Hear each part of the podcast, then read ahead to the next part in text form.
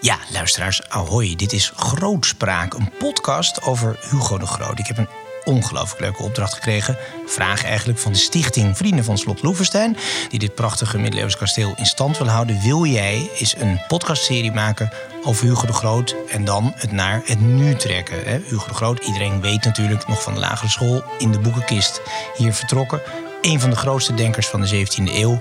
En wat zeggen de geschriften, wat zegt het denken, wat zegt het leven van Hugo de Groot over deze tijd? Wat voor relevantie heeft die man? Dus 400 jaar na de ontsnapping vanuit Slot Loevestein is dit Grootspraak. Een podcast waarin ik, Jort Kelder, gesprekken voer in de geest van Grootjes.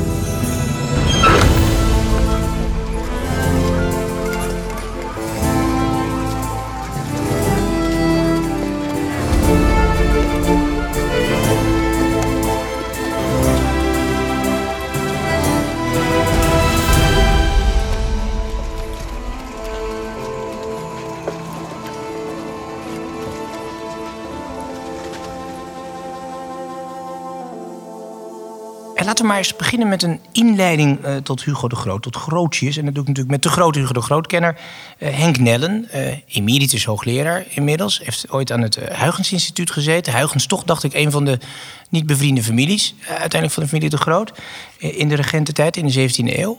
Um, ze waren tegenstanders. Maar, ja, ze waren even Henk, wat is de fascinatie voor, voor Grootjes, voor Hugo de Groot? Het is eigenlijk iets waar je langzaam in ingroeit. Ik ben begonnen met de briefwisseling, heeft ongeveer 7500 brieven nagelaten. Daarvan heb ik met een collega een gedeelte uitgegeven. En het uitgeven van een brief, dat vereist dat je de brief leest, maar ook de hele context bestudeert. Mm -hmm. En zo verdiep je je eigenlijk langzamerhand in het leven van een, een, een heel invloedrijk persoon. En aan de hand van die brieven heb ik dus de kennis over die persoon vermeerderd. En dan is eigenlijk een logisch uh, gevolg dat je een biografie schrijft. En zo ben ik eigenlijk heel mijn leven bezig geweest met de 17e eeuw, het geleerde leven en de persoon van Hugo de Grote functie die hij daarin had. En, en waarom Hugo de Groot dan? Want er zijn meer 17e eeuwers die een boek waard zijn. Er zijn meer 17e eeuwers. Ik tel er eigenlijk vijf die grote invloed hebben gehad. Dat kun je meten aan de internationale congressen die aan hen gewijd worden. Of het feit dat nog steeds hun boeken in het Engels worden vertaald. En dan heb je natuurlijk Christian Huygens. Spinoza is een groot geleerde met internationale faam. Je hebt Leeuwenhoek. En voor die tijd natuurlijk Erasmus. Maar dan is toch ja. als vijfde belangrijke persoon die echt in, uh, in, in internationaal opzicht invloed heeft uitgeoefend en dat zelfs nu nog steeds doet. Mm -hmm. En dat is dan Hugo de Groot. Dus daarom, uh, dat is een stimulans om je in, dat, in die persoon te verdiepen. Ja, straks even over zijn invloed. Eerst even over de, de man zelf, de mens uh, de Groot.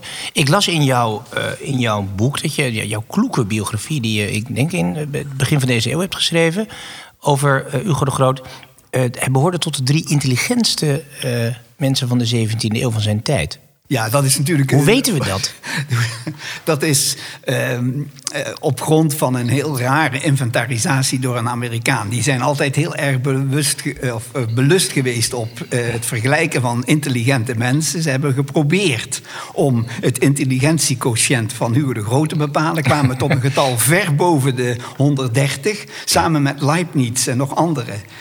Newton stond die bovenaan, maar dat is natuurlijk onzinnig. Want bijvoorbeeld werd als een reden om Hugo de Groot hoog in te schatten uh, vermeld dat hij al op negenjarige leeftijd Griekse en Latijnse gedichten maakte.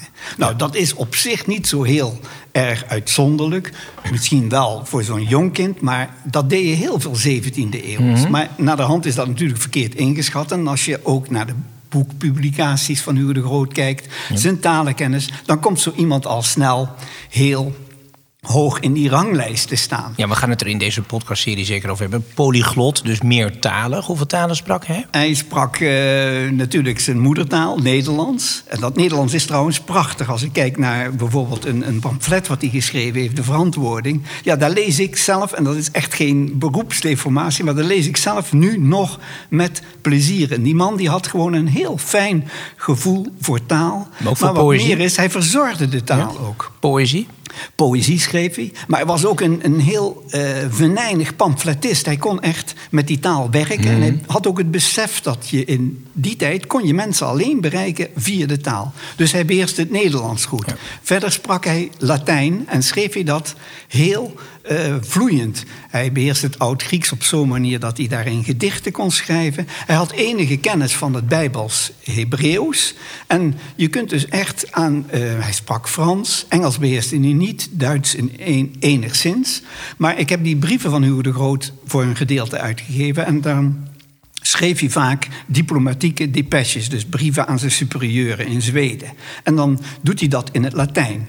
Maar hij schreef ook aan zijn familie. Uh, en dan schreef hij vaak hetzelfde nieuws. En dan zie, zie je eigenlijk door die brieven in het Frans, in het Nederlands en in het Latijn met elkaar te vergelijken, dat hij eigenlijk alle nuances van het diplomatieke overleg of van politieke gebeurtenissen, alle nuances kon hij heel fijn in die verschillende talen tot uitdrukking brengen. En dat is niet het enige. Hij deed het ook nog op zo'n manier dat je het meteen begrijpt. Het is helder. Het is eigenlijk een. Ja, ik, ik, ik verlies me eigenlijk in ja, superlatieven, bent, ja, maar, maar, het is eigenlijk een helder uh, stromend beekje wat uh, vrolijk klatert. ik zie je helemaal glinsteren. Hou je van hem? Ik heb, hou je van Hugo de Groot? Nee, ik kan dat niet zeggen. Ja, hoe hou je van een papieren figuur? Nee, maar het is wel intrigerend. De manier waarop hij met taal omging. De manier waarop hij taal gebruikte om andere mensen voor zijn idealen te winnen. Hmm. De reacties van zijn vijanden. Het is eigenlijk verwonderlijk dat als je nu uh, in de 21ste eeuw leeft, dat er dus in de 17e eeuw, meer dan 400 jaar terug, dat er nog personen op het spoor zijn te komen die je eigenlijk uh, door die bronnen te bestuderen weer tot figuren van vlees en bloed kunt maken. En, dat is een intrigerend proces. Ja, die, die bijna tot leven komen.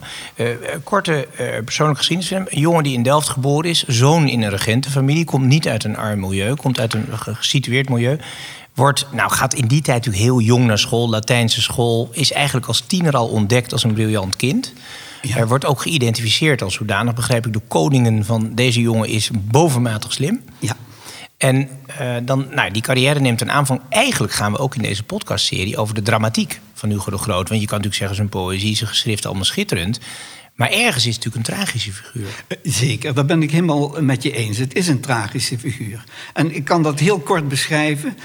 De republiek, dus ons vaderland in die tijd, was een rebelse staat. kwam een opstand tegen de koning van Spanje. Moest de status zien te verwerven in politiek, diplomatiek opzicht moest een staat worden die erkend werd door landen als Frankrijk en Engeland. En dat streven, onder leiding van Oldenbarneveld, de grote staatsman uit de 17e eeuw, dat streven, dat is eigenlijk de context waarin je het leven van Hugo de Groot moet zien. Want zoals schilders door schilderijen over de republiek te maken en dichters door gedichten te maken over de republiek, leverde Hugo de Groot um, zijn bijdrage door geschriften op um, te maken waarin hij eigenlijk het bestaansrecht van de republiek tegenover het machtige Spanje bewees. Denk maar bijvoorbeeld aan Mare Liberum, zijn traktaat over de Vrije Zee. En heel dat leven van Hugo de Groot kan je eigenlijk, zeker voor zijn Hollandse jaren, duiden door te bekijken hoe dat grote intellect van hem werd ingeschakeld om de republiek bestaansrecht Zou je kunnen zeggen, Olde Barneveld, een beetje de minister-president van die tijd, ja? raadspensionaris, die, die gebruikt de grote jurist en denker Hugo de Groot om bijvoorbeeld een juridisch fundament onder de republiek te leggen. Dus bijvoorbeeld die vrije zee, maar het Nostrum, ja. zijn, zijn eigenlijk de basis ook van het zeerecht, misschien wel van het internationale recht. Dat hadden wij natuurlijk nodig, omdat wij de grootste handelsvloot van de wereld, wij wilden varen. Wij wilden varen en handelen. In dat opzicht is Hugo de Groot gewoon ingeschakeld als jurist, als advocaat van de Verenigde Oost-Indische Compagnie, om ehm, de basis voor de republiek vaster aan te stampen. Want u, je moet bedenken dat wij waren in oorlog met Spanje en natuurlijk werd eh, door Maurits die oorlog uitgevochten op het strijdtoneel. Maar Oldenbarneveld gebruikte de, Oost de Verenigde Oost-Indische Compagnie ook als een oorlogsinstrument mhm. om afbreuk te doen aan Spanje en Portugal in de Oost. Ja. En Hugo de Groot heeft ook in zijn Hollandse jaren als advocaat van de compagnie steeds de belangen van de compagnie willen verdedigen, hmm. omdat hij zei: daar ligt een belangrijke uh, manier om ja. uh, de republiek meer houvast te geven. Even dat conflict. In die, uh, in die tienerjaren van die 17e eeuw komt dat uh, tot wasdom. En dat wordt vaak gezegd. Er is eigenlijk de ondergang van Hugo de Groot is ingeleid door een godsdienstig conflict. Ja. De zogenaamde strijd tussen de Gomaristen en de Arminianen, de rekkelijke en de precieze. Ja. Leg uit. Uh, ik ben zelf ongelovig. Maar ik moet zeggen dat ik altijd geweldig geïntrigeerd ben geweest door die twee systemen die in het begin van de 17e eeuw, die twee theologische systemen die begin van de 17e eeuw op elkaar zijn gebotst. Zelfs kan ik nu op dit moment nog invoelen dat dat een heel essentieel meningsverschil is geweest. De strenge partij, de Gomaristen, die verdedigde de majesteit Gods de almacht van God, die eigenlijk boven alles uitgaat op zo'n manier dat de mens een, een willoos, zondig schepsel is die helemaal afhankelijk is van die majesteit. Mhm. De majesteit ook bepaalt of je gered zou worden of dat je verdoemd zou worden. De zogenaamde predestinatieleer. De predestinatieleer. Het heeft geen zin om je goed te gedragen, want je gaat er toch wel aan. En dat is natuurlijk een diep godsdienstige gedachte dat jij helemaal afhankelijk bent van wat God voor jou beschikt. Dat is ook geweldig inspirerend om je godsdienstig op te stellen in het dagelijkse leven. Want bewijs maar dat jij gered bent. En dan zul je zelf tot uh, vroomheid komen. Dan zul je zelf naast de liefde gaan betrachten. Maar dat is een logisch systeem wat de uh, Gomaristen hadden uitgedacht. Op grond van wat Calvijn al had gezegd en andere theologen zoals Pesa. Maar daar zit één, laat ik het noemen, weeffout in. En dat is dat hier de menselijke verantwoordelijkheid eigenlijk geen rol meer speelt. Want je bent speelbal in handen van God. En nu was er een belangrijke groep die zich rond de theoloog Arminius had geformeerd. En die zei: Ja, de mens kan wel uh, gestraft worden door God vanwege zonde, maar een zonde is pas echt een zonde als daar schuld in is. En als dat van tevoren allemaal is vastgelegd, dan kun je dat geen schuld meer noemen. En die zijn heel langzaam aan dat logische systeem van Gomarus zijn ze gaan tornen en hebben eigenlijk die menselijke verantwoording in dat systeem ja, dat zijn, ingevoerd. dat zijn eigenlijk wat we dan noemen de remonstranten. Uh, een beetje een liberalere stroming, die ook, hè, de mens heeft zelf invloed ergens is het natuurlijk gewoon een Leidse dorpsrel. Er zijn twee Leidse hoogleraren, Arminius en Gomarus. En die, die krijgen het met elkaar aan de stok. En dat heeft dan enorme staatsrechtelijke consequenties. Omdat er altijd wordt gezegd, prins Maurits, hè, dan uh, een beetje de chef... Uh, de, de, de, de stadhouder heeft daar misbruik van gemaakt. Ja, en daar ben ik het toch weer niet mee eens. Maar ik wil eerst nog even zeggen dat uh, die strijd dus essentieel was. En daar gaan dus, behalve die twee theologen, gaan ook in den landen allerlei dominees mm. positie kiezen. En dominees zijn per definitie goeroes, die kweken volgelingen op de preekstoel. Wat tot gevolg heeft dat mensen in de kerk partij gaan kiezen. Maar ja, gelovige kerkgangers zijn vaak ook burgers of zijn altijd burgers. En dat zijn vaak ook regenten. En dan zie je dus dat dat godsdienstige conflict eigenlijk overkookt en de maatschappij in zijn greep krijgt. En als dat dan uh, heel ver doorziekt, zodat het het politieke besluitvorming... Want je merkt dat in de vroedschappen, zeg maar in de gemeentebesturen... Ja, speelde dat altijd een rol. Maar er waren ook heel onverkwikkelijke toneeltjes in de kerken... want dan waren er Arminianen die een dominee niet accepteerden... of er waren Gomarinisten die een remonstrantse uh, dominee niet zagen zitten... die zich afscheiden, of die... Er kwamen zelfs protesten op gang in de kerkgebouwen zelf. En je ziet het dat er dus... Ja, maar Henk, dit eindigt uiteindelijk met de onthoofding van Oldenbarneveld... en de verbanning van Hugo de Groot naar de plek waar wij nu zitten. Het slot Loevestein, waar hij uit die beroemde kist is uh, ontvoerd. Of, ja, maar, je gaat, nee, maar, maar, ik bedoel, dat is toch eigenlijk... Wat je nu zegt, het, ik, zal niet, ik, ik bagatelliseer een beetje dorpsrecht en zo. Natuurlijk, het is een theologisch conflict. Dat heeft dan bestuurlijke consequenties. Maar je moet mij toch uitleggen hoe dat bruggetje van... oké, dat land werd gespleten. En we, waren, nog geen 50, 60 jaar van de katholieken af. En we, we splijten onszelf alweer op. Ja, maar we waren in oorlog op dat moment. En er is een geweldige theologenstrijd aan de gang. Dat wordt een politiek conflict. En dan, daar kom ik terug op wat je eerder zei. Dan is op een gegeven moment dat bestand aan het aflopen in 1621. Een 12-jarig bestand, ja. En dan moeten wij weer oorlog gaan voeren tegen Spanje. Nou, en dan is natuurlijk het besef van als wij hier onderling elkaar het kot uitvechten, betekent dat dat we in de strijd tegen Spanje zeker verlies zullen leiden. Dus op dat moment is eigenlijk heel terecht dat iemand zegt: hier moet een eind aan komen. En als dat niet door discussie kan, als dus de beide partijen mhm. elkaar als ketters duiden en niet met elkaar in één kerk willen leven, ja, dan moet op een gegeven moment de politieke macht ingrijpen om in ieder geval een groter kwaad Ja. te voorkomen. En nou is het tragische, want daarop wil je natuurlijk uitkomen... het tragische in het leven van Hugo de Groot is... dat hij zich altijd gemanifesteerd heeft als iemand die verdraagzaamheid predikte. Die verdraagzaamheid wilde het kerkvolk niet. En dan leidt dat uiteindelijk alleen maar tot de situatie dat eh, het zo eh, spannend wordt dat Maurits wel in moet grijpen. Dat doet hij dan ook. En dan is de onderliggende partij is die van Oldenbarneveld en Hugo de Groot. Ja.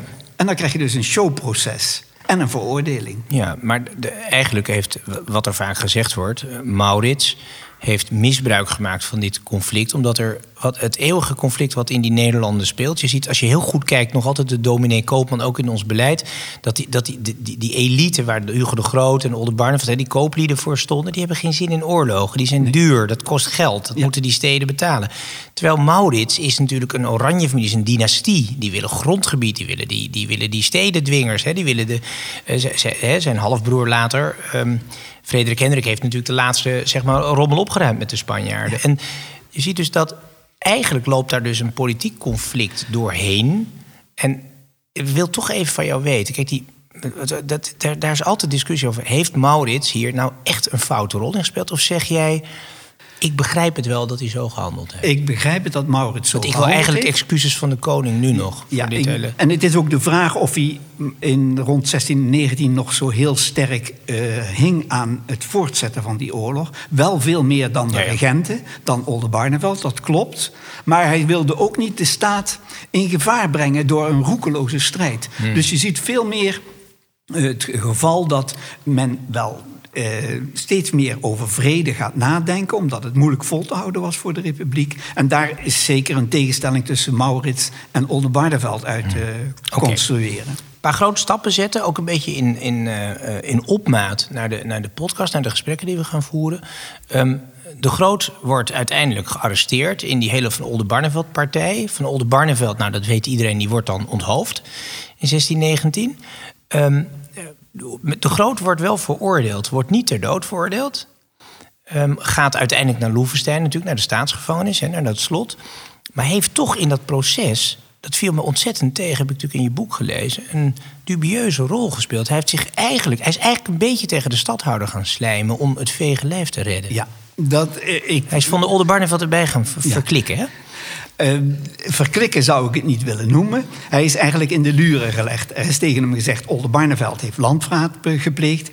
Kun jij nog bewijzen of ehm, redenen aandragen waardoor dat eh, vastere grond krijgt? En Hugo de Groot heeft toen twee nota's opgesteld waarin hij inderdaad redenen aanvoert waarom je zou kunnen eh, vermoeden dat Oldenbarneveld ehm eh, landverraad zou hebben gepleegd. En dat is inderdaad een smet op het leven van Hugo de Groot. Voor hem pleit dat hij dat nooit naar de hand verdonkere maand heeft. Dat hij er echt gewetensvroeging over heeft gehad. En dat hij, eh, hij beschrijft ergens hoe hij dan dat vonnis van Oldenbarneveld gaat lezen.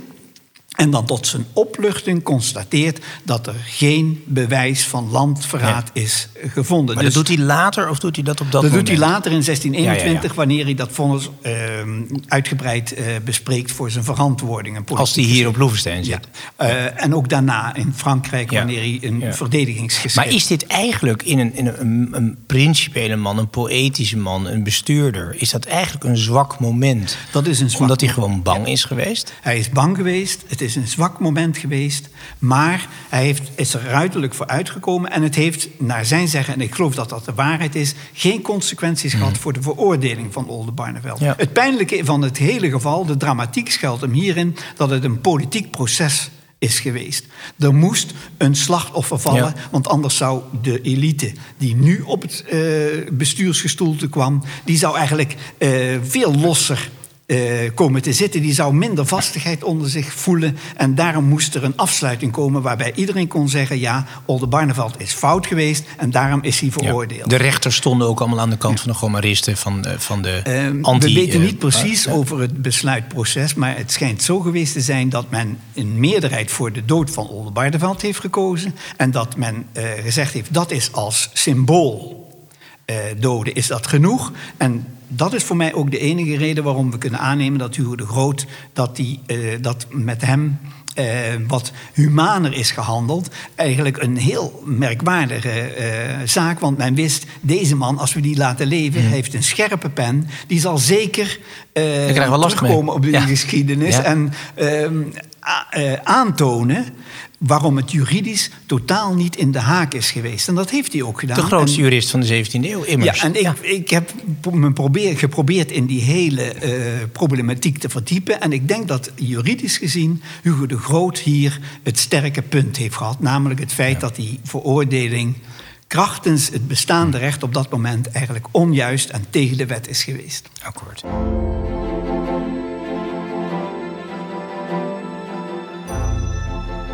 Hij belandt dan op Loevestein, de staatsgevangenis. Mag zijn familie meenemen, tot mijn verbazing. Nou, uiteindelijk zijn vrouw en zijn, zijn huishoudster hebben hem moedig geholpen... om in die kist hier eh, het kasteel te verlaten.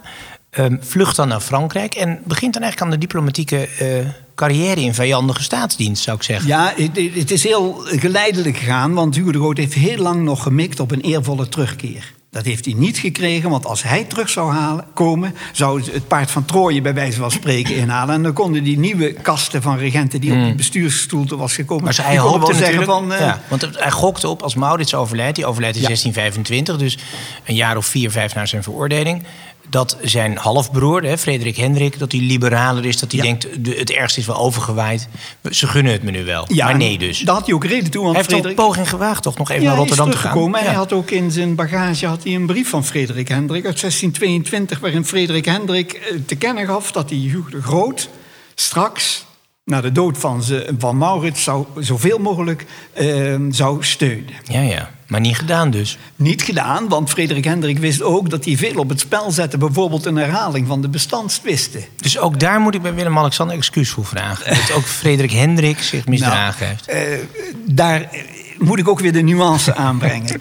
het is namelijk zo dat Frederik Hendrik terdege besefte dat ehm, ehm, je rotzooi in de staat moest vermijden. En als ze Hugo de Groot zou binnenhalen, dan zou heel die discussie van het bestand weer opnieuw komen. Ja. Dus hij heeft van Hugo de Groot verlangd: kom maar terug, maar laat wel merken dat jij toch ook schuld hebt geha- gehad aan die eh, accumulatie van, eh, van conflicten in de Ja, En dat wilde de Groot niet. Dat wilde hij niet. Principieel Want hij mens. zei, ik, Ja. ik, ben, ik heb dat juridisch aangetoond. Ik ben onschuldig. Ik heb gehandeld eh, naar het recht, het oud-vaderlandse recht. Ik heb niets gedaan wat tegen de wet is Dus geweest. hij heeft in die zin de moeilijkste weg gekozen. Ook toen hij in Frankrijk diplomaat was. Was hij nou in Frankrijk diplomaat voor de Zweedse koning? Ja, voor de Zweedse koning. Waar, waarbij hij eigenlijk... Een, hij, kreeg een jaar tractement, een, een jaar geld van de... Van de eh, wat is het, Hendrik Van- de XIII geloof ik? Eh, Hendrik de Vierde, Of- die de was vierde, sorry. Lodewijk de Dertiende. Lo- sorry, Lodewijk de XIII.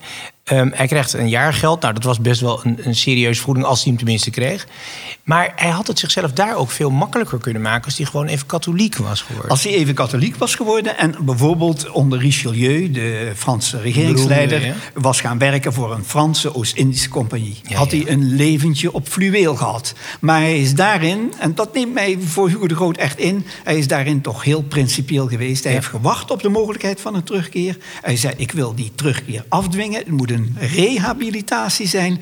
Heeft men hem nooit willen toestaan. En dat is eigenlijk als een oneenigheid blijven doorzeuren. En dat zie je fantastisch terug in al die brieven waarin hij zijn nood klaagt over Ja. die hardnekkigheid en die onwil van de Nederlanders. Want had hij niet het juridische gelijk aan zijn zijde? Ja, dat had hij. Na die, hij heeft in feite 25 jaar aan een, aan een comeback gewerkt. Dat is dus niet gelukt. Ik begrijp dan dat hij op een gegeven moment nog ergens schipbreuk in de Oostzee leidt. In Rostock belandt, daarvan een paard flikkert en dan overlijdt in 1645. Van dat paard weet ik niks. oh, dat dacht ik, sorry. Nee, maar ik weet wel dat hij dus tien jaar ambassadeur is geweest voor Zweden. Ja.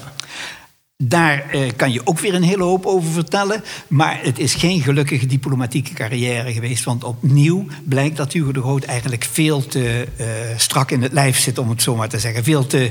eh, Te gereformeerd is, zou ik nee, bijna zeggen. Nee, niet te gereformeerd, maar veel te vormelijk. Ja. Hij verdedigde Ja, de eer van het Koninkrijk. Zweden. En die Fransen zaten hem op allerlei terreinen dwars. Met name Richelieu kon Hugo de Groot niet eh, velen. Want, Ja. want Richelieu was eigenlijk toch wel meer een, een machtspoliticus. En in een gesprek wat hij meteen in de... De ultieme machtspoliticus, ja, zeker. ik begrijp. Ja. Trouwens een groot staatsman. Ja. Eh, maar Hugo de Groot die zei in een van de eerste gesprekken die hij met Richelieu voerde, dat je je op staatsgebied toch niet alles kon permitteren, dat je daar ook met moraliteit te hmm. maken uh, had. En toen zei Richelieu, als het gaat om conflicten in de staat, dan is het recht altijd aan degene die de meeste macht heeft. Ja. Zo zei Richelieu letterlijk tegen uh, Hugo de Groot. En Hugo de Groot kan alleen maar zeggen van... nou, God zal in deze zaken beslissen wat echt rechtvaardig is. Dat was dus de fundamentele tegenstelling. En Hugo de Groot heeft dus als, uh, is als ambassadeur niet een groot succes geweest. Hij heeft wel ook hier weer uh, fantastische rapporten geschreven. Nieuwsbrieven over het Franse hofleven. Over culturele gebeurtenissen. Mm. Over meteorieten. Over uh, waarzeggers er is op een gegeven moment zelfs bij hem aan huis is er een man gekomen die had een mitrailleur uitgevonden. En dan wordt in de achtertuin van Hugo de Groot wordt dat wapen gedemonstreerd. En de koning, de Franse koning, was zo opgetogen dat hij die man een werkplaats en een jaargeld toekende. En Hugo de Groot zegt dan naderhand: ja, je ziet wat uh, het menselijke vernuft vermag als het gaat om het uitvinden van uh, schandalige werktuigen. Mhm. Dus in die brieven zit heel veel materiaal in, moet nog steeds eigenlijk helemaal uitgezocht worden. ligt een prachtig onderzoeksterrein. Maar, uh, de er is nog een onontgonnen uh, Hugo de Groot. Ja, joh, ik, ik, ik, ik, heb er nu eh, heel lang aan gewerkt. Maar ik moet nog steeds erkennen dat op allerlei gebieden. Hij heeft bijvoorbeeld een. een Hij is productiever geweest dan jij in tientallen jaren bij elkaar hebt. Ja, maar zelfs er zijn. Uh, werken waar ik uh, aan geroken heb en waar ik me in proberen te verdiepen. Maar het is zo moeilijk om dat helemaal te doorvorsen. Een boek over de, vol, uh, de kruisdood van Christus. Een boek over de oude kerk wow. en de synode van Dort. De Jure Belli Akpakis over het oorlogsrecht. Het zijn grote standaardwerken. Ja. ja. Al ja? deze boeken, ik heb eraan geroken en ik ben er niet tot in doorgedrongen, nog steeds. Wow. Het onderzoek vordert. Hoe kon hij zo productief? Was dat puur dankzij de intelligentie dat hij een onvoorstelbare productie en concentratie had? Het was een uh, man met een, uh, een, een, geheugen als een olifant. Er is een anekdote dat hij ergens in Holland troepen moest monsteren. En dat hij naderhand van alle soldaten de namen kende. En er is een anekdote, iemand die zegt... hij hoefde maar een blik te slaan in een foliobladzijde... Ja. en hij kende de inhoud. Dat geheugen is inderdaad fenomenaal geweest. Ik denk zelfs dat je daar kunt zien dat een goed geheugen misschien wel gelijk staat aan een grote intelligentie. Ja. Uh, dus uh, dat geheugen was er. Maar op de derde plaats is gewoon geweldig groot belang geweest dat hij een systematische geest was. Hij wist dingen te onderscheiden en te ordenen. En dan vervolgens zo te verwoorden dat andere mensen ermee verder ja. konden werken. Dat is een grote kracht geweest. Is die, kijk, hij is in 1645 overleden. Um, heeft, heeft hij had hij toen in de Republiek in de Nederlanden nog aanhang? Is hij eigenlijk een vergeten figuur geworden? Nee, hij is zeker geen vergeten, vergeten uh, figuur geweest. Want uh, dat zal toch bekend zijn dat de partij van Oldenbarneveld... die werkte zich langzamerhand om tot de zogenaamde staatsgezinden. Mm. Dus dat is de groep politici de, die denkt dat de soevereiniteit bij de afzonderlijke provincies, de staten in die afzonderlijke provincies berust, tegenover een uh, groep van orangisten die zegt: nee, je moet de totale band, die moet je benadrukken, want we zijn een eenheid als republiek. Nou, die tegenstelling, die fundamentele tegenstelling tussen staatsgezinden en oranjegezinden, die is eigenlijk vanaf Hugo de Groot steeds in de vaderlandse politiek blijven bestaan. En die heeft eigenlijk uh, tot in de 19e eeuw nog. Ja? Ja, dus je en ziet het, later natuurlijk in die periode van de ja. gebroeders de Wit, uh, stadhouderloos tijdperk. Ja, komt dat snelkens weer. Komt altijd weer die conflict nou, tussen die, zeg maar, die centralistische oranjes en die steden, die staten die van zichzelf willen regeren. En dan, daar wil ik nog één ding aan toevoegen. We hebben nu een koninkrijk in de Nederlanden. Maar het vreemde is eigenlijk dat heel lang wij een republiek zijn geweest. En in die republiek waren er de staatsgezinden die zeiden: ja, die, die macht ligt helemaal niet bij die oranjes. Want dat zijn hooguit dienaren van de staten. De macht ligt bij de provincies zelf. Dat heeft Hugo de Groot steeds benadrukt. En daardoor kon hij ook tot een kampioen uitgroeien van dat uh, staatsbewind. En daardoor werd hij ook in de 18e en 19e eeuw hier in Nederland nog vereerd. Als ja. iemand die de waarheid in pacht ja. had.